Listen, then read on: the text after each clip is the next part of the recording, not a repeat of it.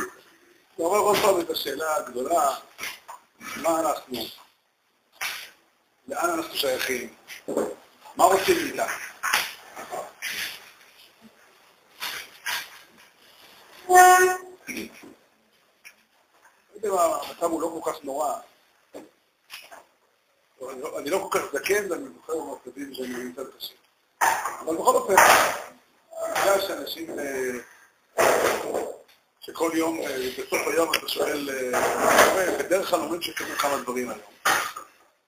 היא לא, היא לא, לא פשוטה. היא לא עובדה פשוטה.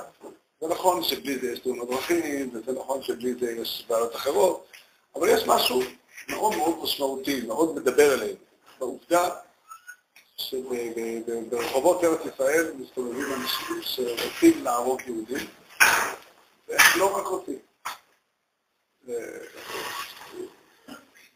לא רק רוצים. ברמב"ם בהלכות תענית כתוב שדבר כזה הוא סיבה לתענית ציבור.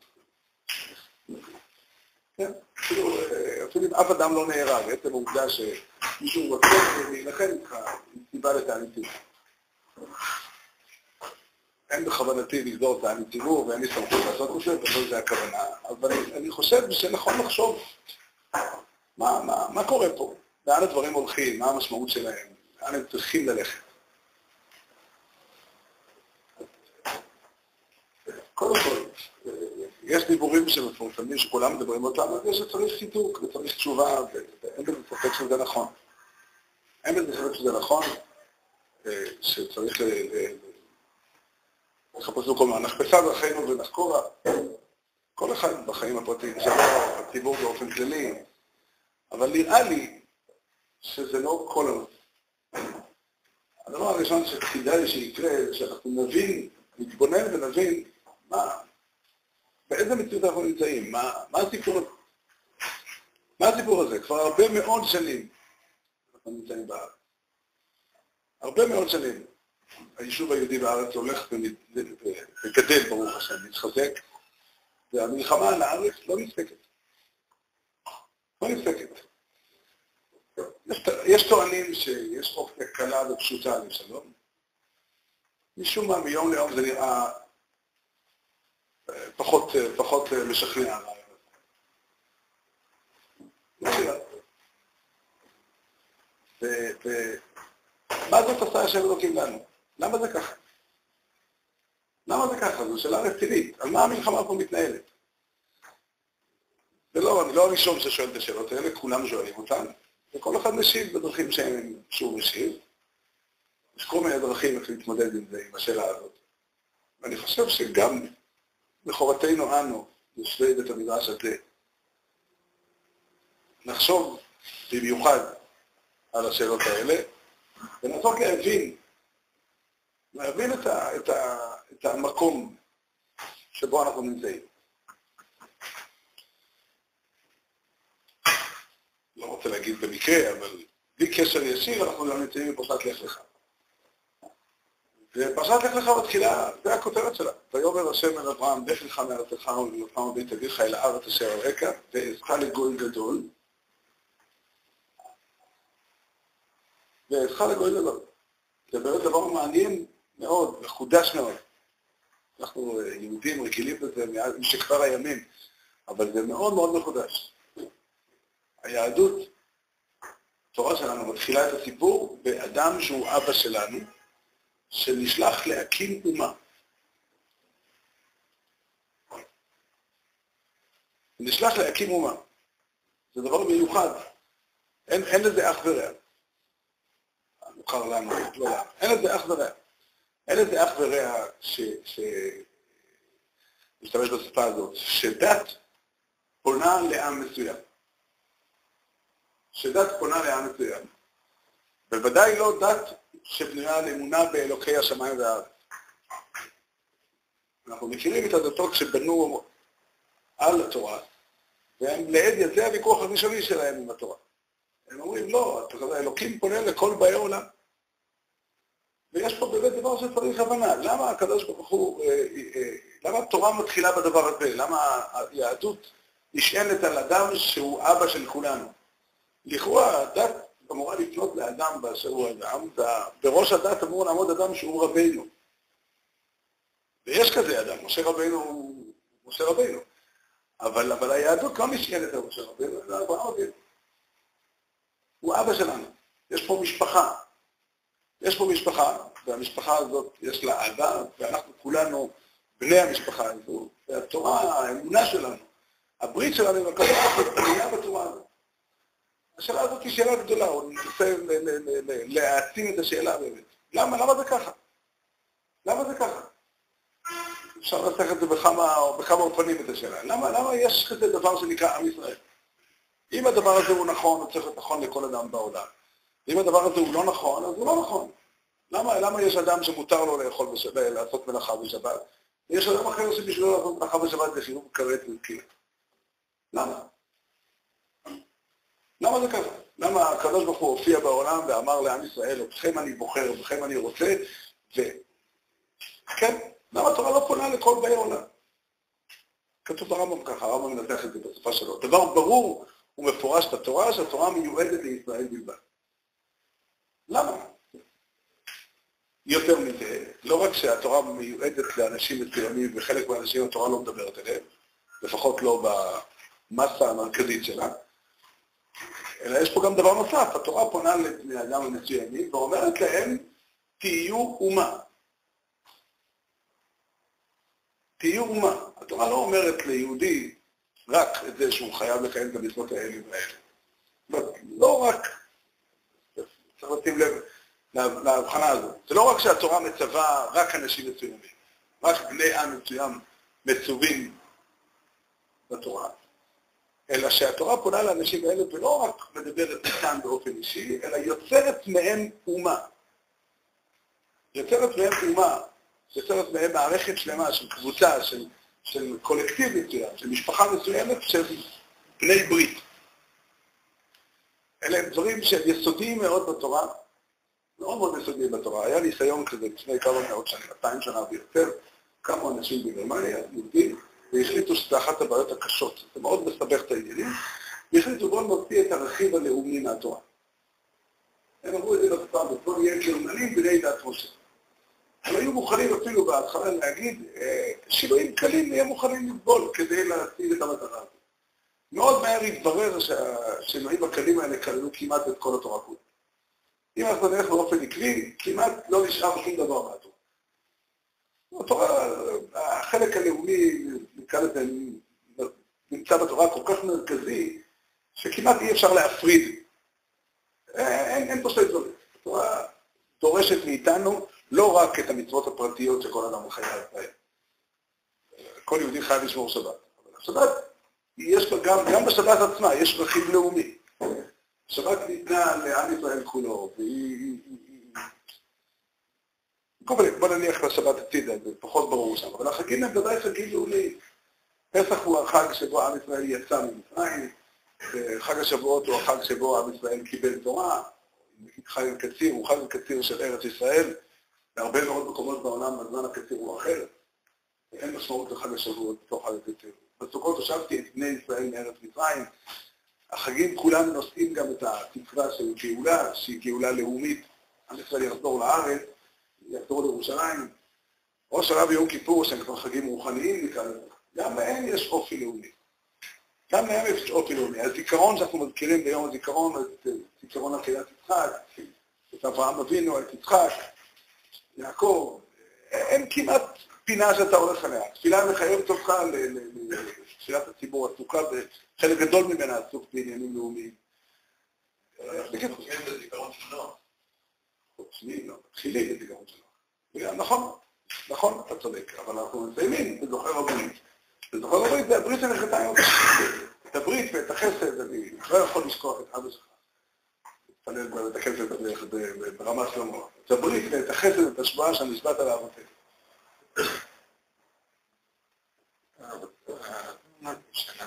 היהדות נשען על אברהם אבינו ולא על משה. כל הזמן אומרים על תורה וקיום, קיבלנו דרך משה רבנו, למה? ומה זה נשען על למרות שאברהם אבינו שמע כל התורה כולה, לא, לא, לא, לא, לא, ודאי שאתה צודק שהתורה שלנו היא, התורה היא זכרות תורת משה התורה ניתנה על ידי משה רבנו, אבל התורה היא עונה, היא התורה של עם ישראל. עם ישראל הוא עם אלוקי אברהם. כדברי הבסיס. אנחנו לא אומרים בתפילה, ברוך אתה השם אלוקינו ואלוקי רבינו משה. אלוקינו ואלוקי אבותינו, אברהם, יצחק ויעקב. אומרת, אם אתה שואל מה הזהות שלנו, אנחנו העם של אברהם, יצחק ויעקב. יש פה דבר ש, ש, שהוא פשוט, מאוד ברור, כולנו יודעים אותו, לא חידשתי כלום. אבל הוא, הוא, הוא בורח לנו מבין האצבעות. הוא בורח לנו, בורח לנו מבין האצבעות, כדאי לשים אותו לשולחן. כדאי לשים אותו לשולחן.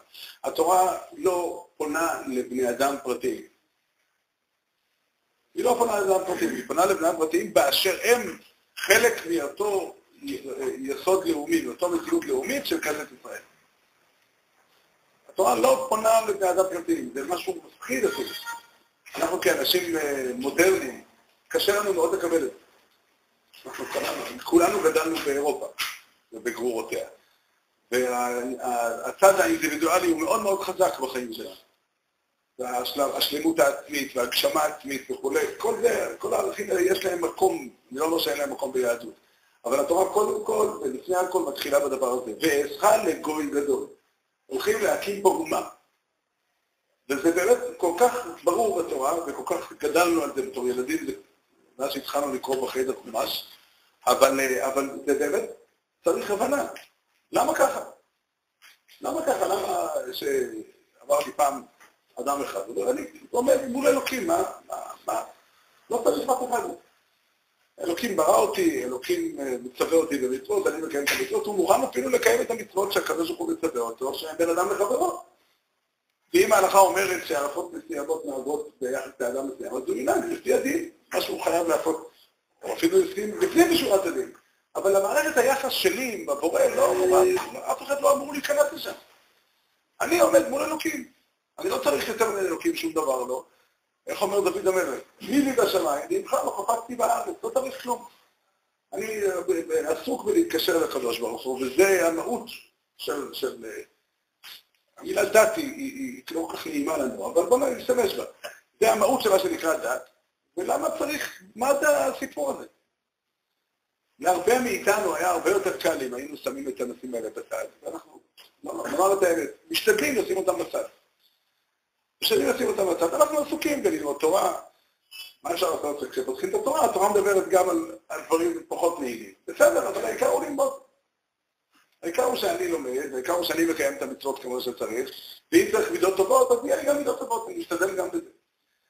הנושא הוא, אה, הוא לא המידות הטובות. למרות שמצוות טובות הן חיוניות מאוד גם בשביל זה.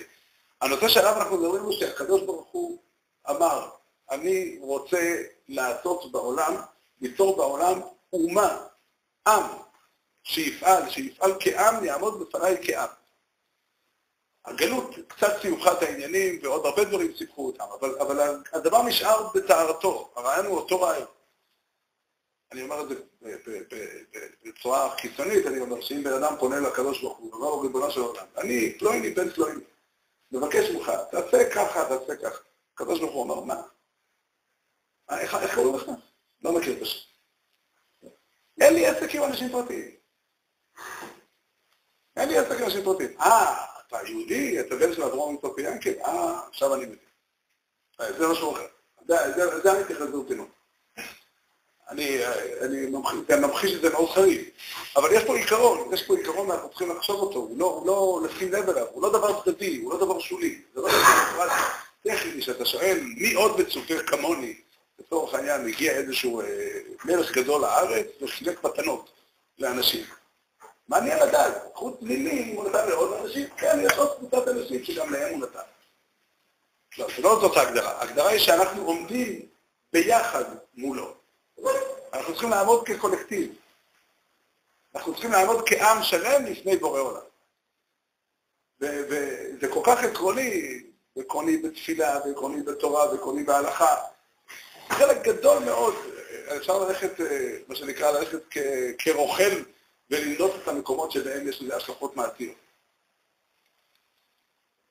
העיקרון שההלכה היא הלכה כלל ישראלית. למה זה ככה? למה אני צריך אה, להתחשב במה ש, ש, ש, ש, שכל עם ישראל פוסק? ככה הדין. הדין הוא שיש השופט אשר יהיה בימים ההם, וההכרעה שלו היא קובעת, זה הדין בתורה, עוד לפני שנחתם התלמוד. וגם חתימת התלמוד, הרמב"ם אה, מפרש, בגלל שמה שכתוב בגמרא יש לו משמעות, והוא מחייב את כולנו, בגלל שזו הפעם האחרונה בהיסטוריה שהיה בית מדרש כזה, שהיה בית מדרש של ישראל כולו. ומה שהתקבל, המסקנות של הש"ס, התקבלו על ידי כל, כל ישראל כולם.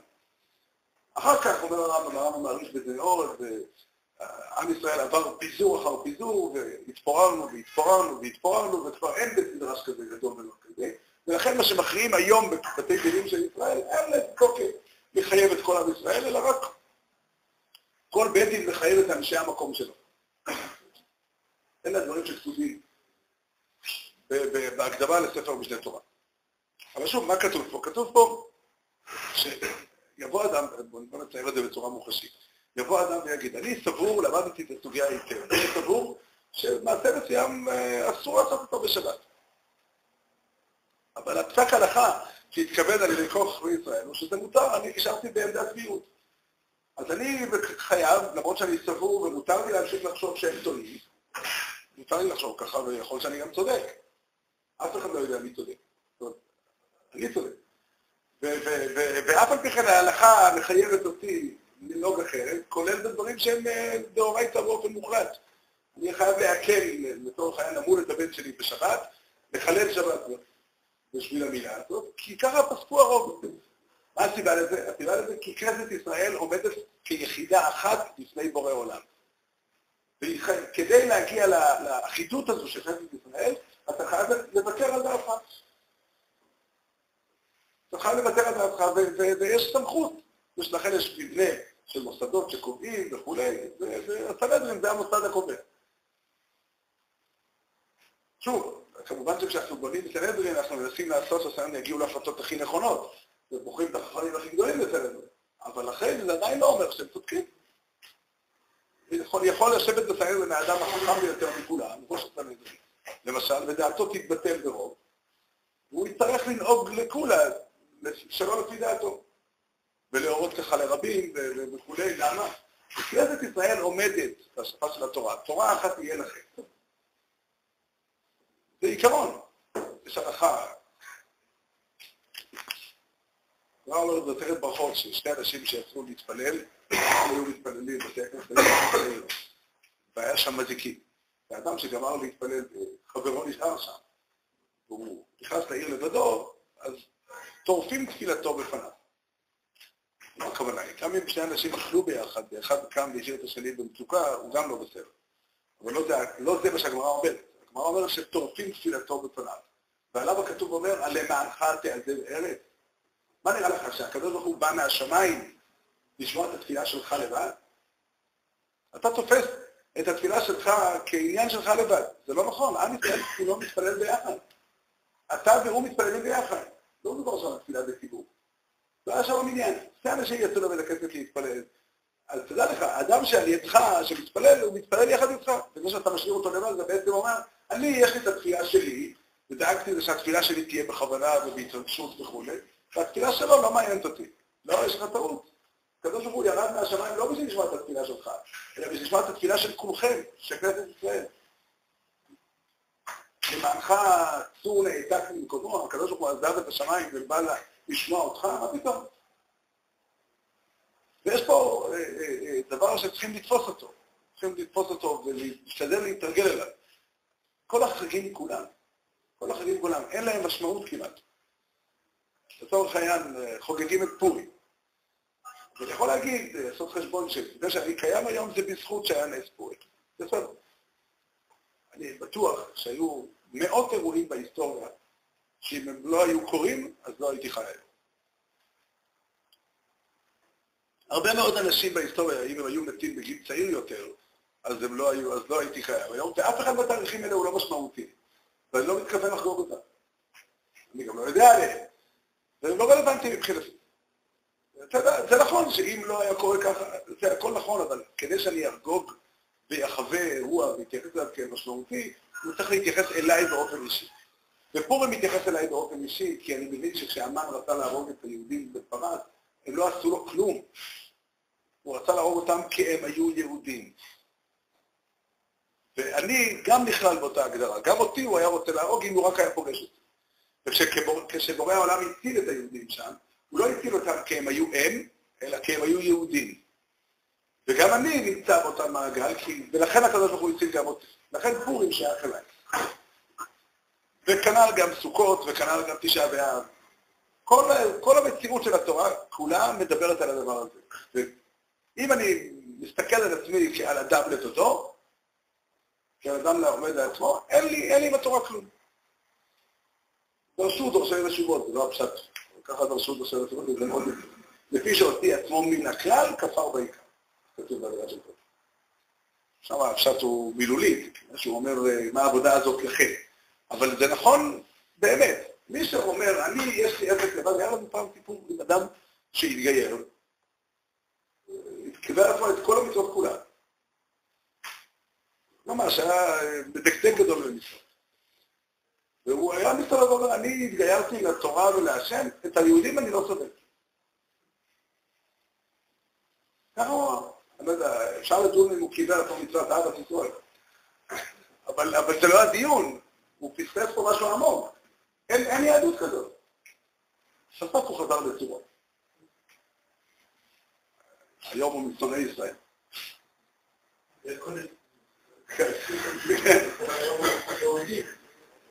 אני לא חושב שהוא יהודי. אני לא חושב שהגירות שלו חרב. אבל אני לא סיפור אמיתי. אדם, זה לא נכון, זה לא, זה לא נכון. זה, זה, זה, הצורה שהתורה ניתנה היא צורה אחרת, ואני מסכים. אני רוצה לייחד את, ה, את, ה, את המקום הזה, את השיעור הזה, בתקופה הקרובה, ללבן את הסוגיה הזאת. איך נראית, מותר להשתמש במילה הזאת, איך נראית לאומיות יהודית. יש מקומות שהמילה הזאת קדושה, יש מקומות שהמילה הזאת פסולה, אבל, אבל, אבל זו המילה. איך מתקיים הפסוק בעזך לגוי גדול? כאנשי תורה, איך אנחנו חיים את הדבר הזה?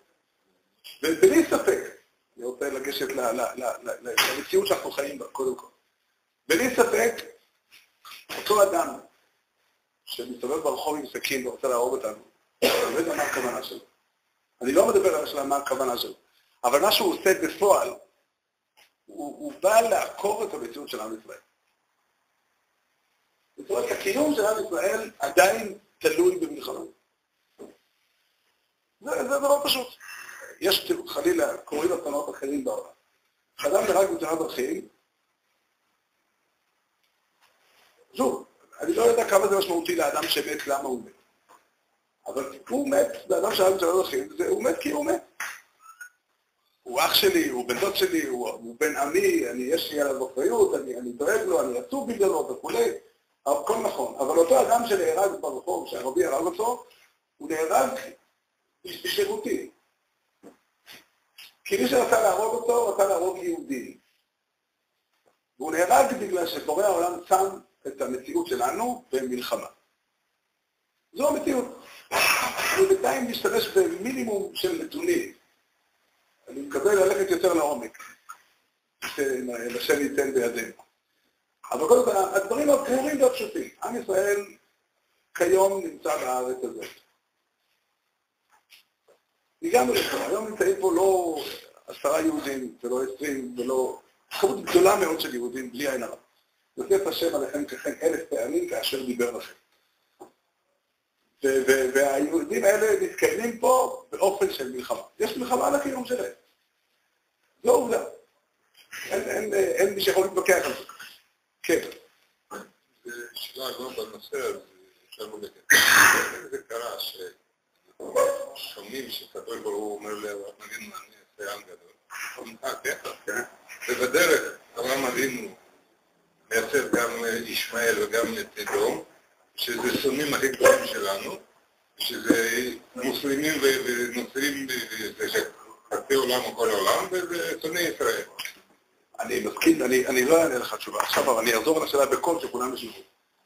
שואל רבי שאלה מאוד מאוד נכונה, מאוד, היא, היא לא שאלה, היא צעקה שאין, איך אומר איוב, אל יהי מקום לדעתי.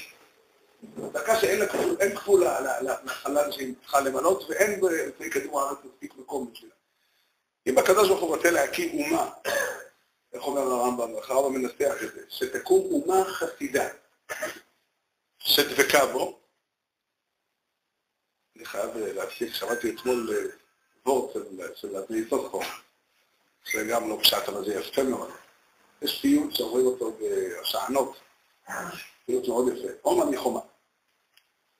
ושם אומרים, שבחים, תוארים לכנסת ישראל, עומר מחומה, ברק החמה, גולה וסורה, דמתה לתמר. לאסוף חור אומר ככה, גולה וסורה, מי יפגע אותה? הקדוש ברוך הוא. ברוך אמר ללכת, אבל היא דמתה לתמר, היא דומה לתמר אשת יהודה. אומרים לה לכי, אבל היא באה בכוח, היא מוצאת את הדרכים להגיע. זה לא יעזור לך כלום. היא תבוא עוד פעם. אבל מה שאתה שואל, רבי יאיר, היא שאלה נוראה מאוד, אם הוא הקים בעולם אומה יודעת את השם, שנמצאת בעולם כדי לעבוד אותו. אז למה בדרך מגיעים דווקא מאברהם אבינו, ישמעאל ועשיו, שהם שתי בעיות גדולות שעם ישראל, שכנסת ישראל תצטרך להתמודד. השאלה היא מדי גדולה בשביל לענות עליה וגם בהמשך אני לא יודע אם אני תהיה. אבל אני, השאלה היא נכונה מאוד. ואני רוצה לחזור לדבר הזה. אני חושב שמעבר לחובה שוודאי קיימת בכל עת צרה שבאה לציבור, נחפשה דרכנו ונחקורה ונשוב, וכל אחד צריך לתקן את מה שהוא צריך לתקן. כל אחד יודע יותר טוב מכולם במה הוא צריך יותר טוב מכולם, וגם חכמי ישראל חוזרים וזועקים, מה צריך לתקן? כל מה שאני אומר הוא לא בא במקום זה. אבל אני חושב שיש חובה לא פחות גדולה. לא פחות גדולה. ולהבין על מה הדיון. להבין על מה הדיון, יש דבר עצוב מאוד, שאנשים משלמים מחיר על מלחמה, והם לא מבינים על מה המלחמה. זה טרגדי, זה טרגי. לא סתם זה טרגי לשלם מחיר במלחמה. אבל זה הרבה יותר עצוב לאדם שנהרג בקרב, שהוא אפילו לא יודע, אני כבר קראתי פעם שיר כזה, אוי לנופלים וקללת מלכם על תהיה. אוי ואבוי לאדם שמת, והוא לא מבין על מה המלחמה. זה ככה חינם. עכשיו, שכולנו נחיה ונאריך ימים, אבל אנחנו כולנו משלמים מחיר על המלחמה. אנחנו הולכים ברחוב, מי בחור שמי יותר מסתכלים ימינה ושמאלה, ובוחנים ומפחדים. נגמר, עובר כמה שעות, יוצאים מהבסמטר, שואלים, קרה משהו? לא יודעים מה קרה. היו תקופות קשות יותר, ברוך השם, השם, המצב הוא טוב יחסית, אבל עדיין, עדיין אנחנו משלמים מחיר, וחבל מאוד, חבל מאוד שלא נבין שהמלחמה פה היא לא מקרה. המלחמה פה היא לא רק שהקדוש ברוך הוא מעניש אותנו על א' או על ב' או על ג', אלא יש פה נושא עקרוני, שהקדוש ברוך הוא רוצה שנילחם על, על הקיום של עם ישראל. לפחות את זה נאמר כרגע, בהמשך אני לא יותר מזה, אבל לפחות את זה נאמר כרגע. הקיום של עם ישראל כיום, וכל אחד מסכים עם זה, שיש שבע מיליון יהודים שחיים היום בארץ ואין להם לאן ללכת. אני לא אומר שרק זה נכון, אני מתכוון לומר הרבה יותר מזה. אבל קודם כל, כן. כרגע המלחמה היא על קיומם של שבע מיליון יהודים. איך אמר, לא הזכיר את שמו בבית המדרש, אבל אמר מי שאמר, הערבים הם אותם ערבים, והים הוא אותו ים. אף אחד מהערבים לא, לא, לא מתכוון לדבר על... על, על, על, על קיצור, השאלה היא, שוב, אני לא מדבר, אני לא מתכוון לומר, וזה עוד נידון בפני עצמו, מה הכוונות שלהם ועל מה הם נלחמים. בואו נסתפק בגרסה שאומרת שהם נלחמים במלחמת חירות על החיים שלהם. אבל זו עובדה פשוטה. היום יש שבע מיליון יהודים בארץ שלרובם הגדול, רובם הגדול, כמובן ל-80-90 אחוז מהם, אין לאן ללכת. מסכימים עם העובדה הזאת? והם הרוב בניין ובניין של עם ישראל, ודאי של יהודים שרואים את העולם טוב. אבל גם סתם, רוב בניין של עם ישראל נמצא פה בארץ, ורוב הבניין, היישוב היהודי המרכזי בעולם הוא פה בארץ. והאנשים האלה נמצאים פה, בורא העולם הביא אותם לכאן, וכאן הם נמצאים. עכשיו, הערבים מעוניינים שאתה תלך מכאן, מאיזה סיבה טובה שלא תהיה. עכשיו, זה לא שהם באו ואמרו לך, תשמע, אנחנו רוצים שתעבור לניו יורק, סידרנו לך שם מדינה ותעבור לשם. אם, זה היה ככה, הנידון היה נידון על ארץ ישראל. הנידון כרגע השאלה אם אנחנו נחיה או נמות. אני לא צריך לצייר לך בהרחבה מה יקרה אם חלילה, באמת, אסור לפתוח כל הזמן, אבל אם חלילה הם ינצחו במלחמה. לא... אתה רוצה דוגמאות מההיסטוריה הרחוקה או הקרובה, זה לא, אין, אין, פה, אין פה מה לדון. הערבים הם אותם ערבים והיה מאותו ים. ברור לחלוטין. והשאלה היא, זה המלחמה. על זה המלחמה. זה, המלחמה, וכל מי שנהרג במלחמה הזאת, נלחם על המלחמה שכנסת ישראל תתקיים. כל מי שנהרג במלחמה הזאת, הוא קורבן במלחמה הזו. רש"י מביא בפרשת בעלו איתו, לפסוק, וינוסו בשנאיך מפניך, רש"י מביא שם מדרש, שכל מי ששונא את ישראל, שונא את מי שאמר בעיירה. אפשר לפרש את רש"י שיש פה איזשהו ניתוח פסיכולוגי עמוק אל הכוונה של מי ששונא את ישראל. אני לא אומר שהפירוש הזה לא נכון, אבל אין לי סיבה להגיד אותו.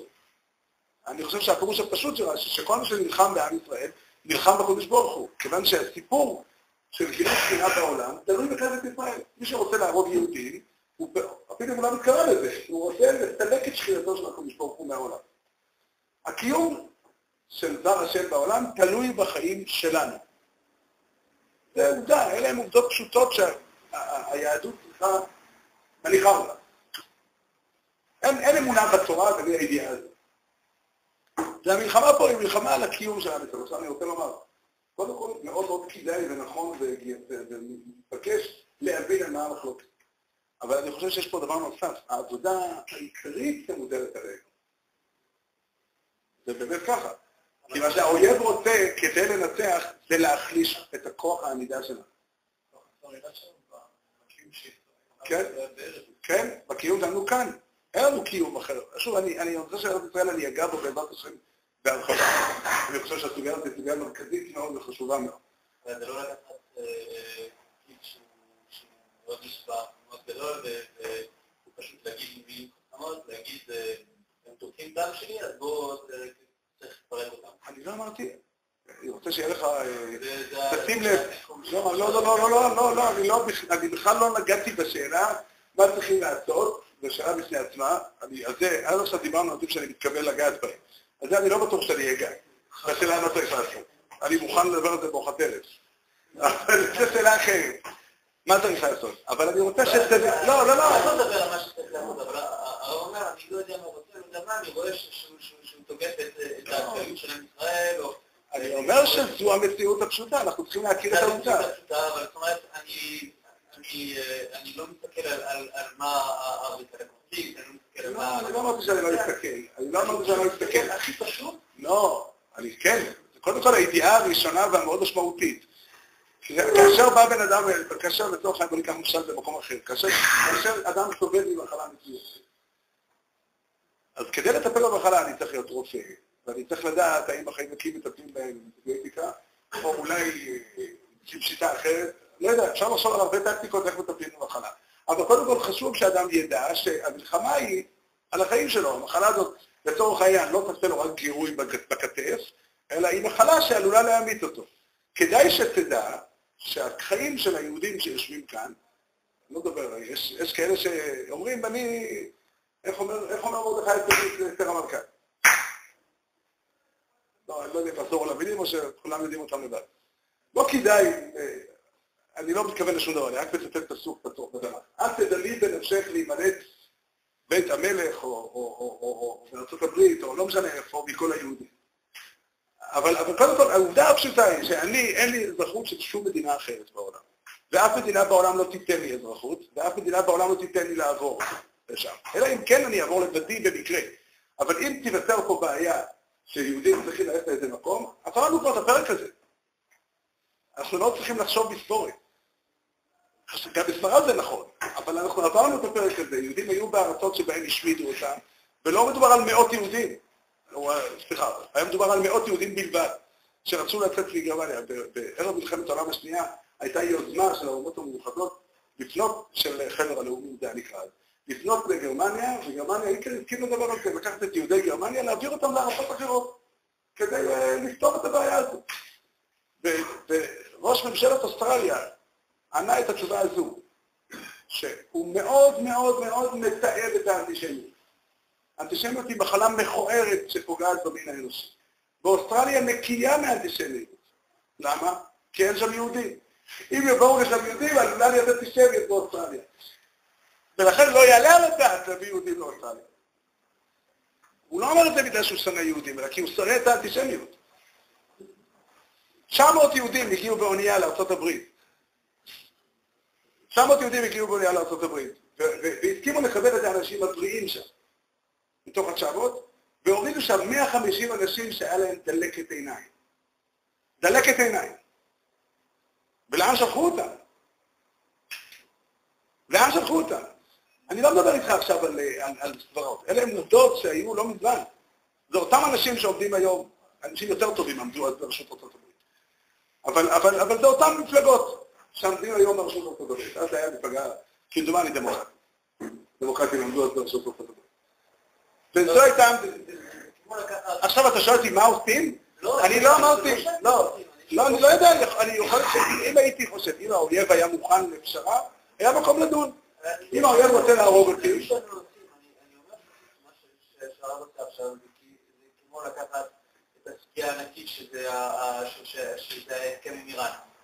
אני לא נותן את זה דוגמה דוגמה קטנה, ולהגיד, אובמה אמר, אה, אמר ככה, ואה, בגלל שהוא שונא יהודים. אני לא אמרתי את זה. אני הרגשתי, לא, אני הרגשתי, הרגשתי, אבל אני הדגשתי, אני רוצה שיהיה ברור, אני הדגשתי שאני לא מדבר על השאלה מה המחשבות של הערבים שעושים את זה. אני מוכן לקבל את אורך הדיון, וזה דיון אחר לגמרי, האם אובמה שונא יהודים או לא שונא יהודים, זה דיון נפרד לגמרי שהוא לא מעסיק אותי עכשיו.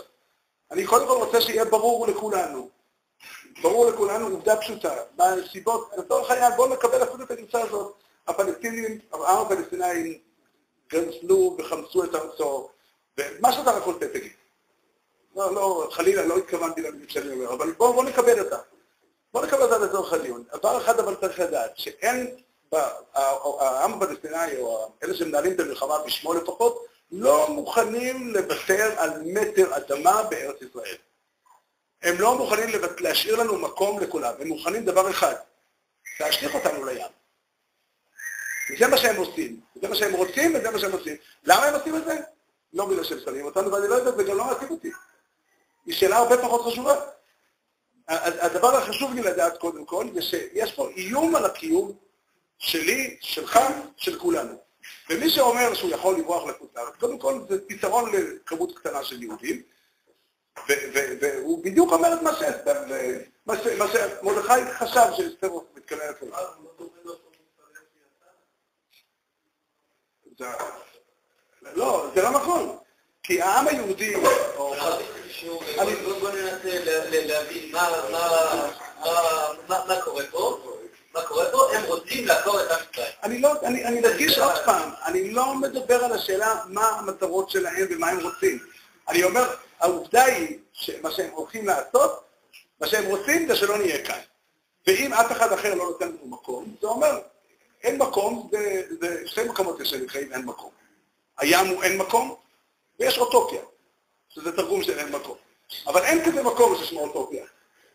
אין כזה מקום ששמו אוטופיה. אוטופיה זה אין מקום. זה פירוש המילה. זה פירוש המילה. אין, ו, ו, עכשיו, אני לא, אני בפירוש בורח מהדבר הזה, כי זה לא הנושא שלי. אני אמרתי את זה קודם ואני אחזור על זה עוד פעם. השאלה מה המטרה האמיתית של, של, של האויב שלנו, היא לא הנושא שלי. היא לא הנושא שלי, היא לא, היא לא, היא לא חיונית לדיון. היא אולי חיונית לשאלה איך פותרים את הבעיה. יכול להיות שזה חיוני לשאלה איך פותרים את הבעיה. אבל קודם כל, כרגע המצב הוא שיש מלחמה על הקיום של יהודים בארץ הקודש. אני אני רואה דבר אחד ברור, שהוא רוצה שנילחם. של השיעור הזה, כדי שנדע שהמלחמה הזאת היא לא סתם מלחמה, אלא אנחנו, אנחנו, למה אנחנו נלחמים, אני אומר, לא למה הם. למה הם נלחמים, זה לא מעסיק אותי. שיעשו הם את החשבון שלהם וכולי. הם הכריזו מלחמה על הקיום של יהודים בארץ הקודש.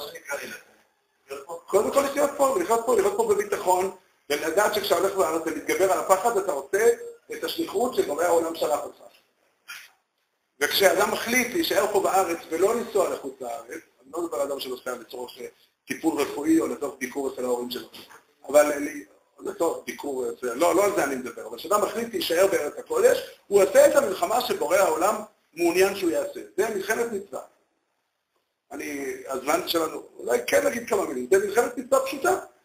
להציל את ישראל מיד הצער הבעלים. אני עוד לא מדבר על ארץ ישראל. זה היה נכון באותה מידה, כל מה שאמרתי עד עכשיו, גם אם זה לא היה בארץ הקודש, זה היה בקראון אייל. כן, זה סימן בשולחן ערוך בהלכות שבת, וזה סימן פשוט, אין על זה ויכוח. זה מלחמת מצווה להציל את ישראל מיד הצער הבעלים. עכשיו, איך, מה הטקטיקה של המלחמה? אם אפשר היה לעשות שלום, אני בעד. אם היה אפשר, זה נידון אחר, מה התנאים של שלום, באיזה תנאים אנחנו מסכימים לעשות שלום. אני שלום, אומר הפסוק, אני שלום וכי ידבר, הם על המלחמה, נו מה נעשה? כבר דיברנו שלום בכל מיני דרכים אחרות, בכל מיני צורות, האויב מתעקש להגיד שהוא לא מוכן לוותר על אף שעל בארץ ישראל. אז זהו, אז אני, אני גם לא מדבר על השאלות למה אין מלחמות. אני גם לא מדבר, לא עסוק בשאלה של צדק. אני עסוק בדבר אחד, תדע לך שהמלחמה היא מלחמה קיומית. הסכנה כרגע, הסיבה היחידה שכרגע הסכנה היא לא קיומית לעם ישראל, עומד כי ברוך השם, בחסד השם יתברך, ניצחנו, העם היהודי ניצח אותנו במלחמת השחרור, וניצח אותנו במלחמת ההתשה, וניצח במלחמת ששת הימים, וניצח במלחמת יום כיפור, וכל אחד יודע, כל אחד יודע מה היה קורה אם חלילה, בכל אחת מהמלחמות האלה, אתה יודע מה, מה, מה המשוואה פה? הערבים ניצחו במלחמות, ארבע מלחמות הם ניצחו. והם עדיין קיימים. ליהודים בארץ ישראל אין את הפריבילגיה להיות מנוצחים אפילו פעם אחת. פעם אחת הם ייכשלו במלחמה וזה נגמר. זה פתרון סופי לבעיה היהודית באזור פה. פעם אחת. זו המציאות הפשוטה, לא אמרתי שום אמירה שיפוטית. לא אמרתי פה בשאלה מי צודק בוויכוח על ארץ ישראל. לא דיברתי על ארץ ישראל גם חוץ מלהזכיר את השם שלה. לא דיברתי פה על מצוות יישוב ארץ ישראל, שזה נושא נפרד שצריך לדון בו בנפרד. אני מדבר על העובדה, יש עובדה פשוטה, יהודים חיים היום פה. לצורך העניין בוא נקרא למקום הזה אוגנדה. יהודים חיים באוגנדה. ויש אויב שאומר, האוגנדה שייכת לנו, והוא לא יכול להשפיע לנו שום מקום אחר לאן ללכת. כשהטורקים השמידו את הארמנים, אז הם הציעו לטורקים, לארמנים מקום אחר. הם אמרו, תיסעו לארה"ב. והאמריקאים הסכימו לקבל אותם. הארמנים לא הסכימו ללכת. זה היה הסיפור שם.